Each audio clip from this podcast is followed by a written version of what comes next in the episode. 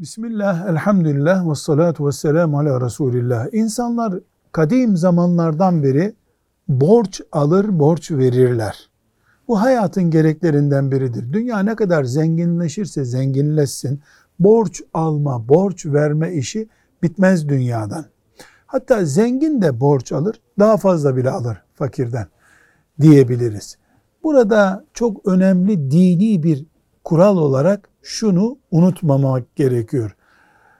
Borç alan o borç işlemi bitmedikçe yani iade edilip alacak verecek kalmadı. O duruma gelmedikçe borç veren borçlu kimseden hediye almamalıdır. Çünkü Efendimiz sallallahu aleyhi ve sellem bunu yasaklamıştır.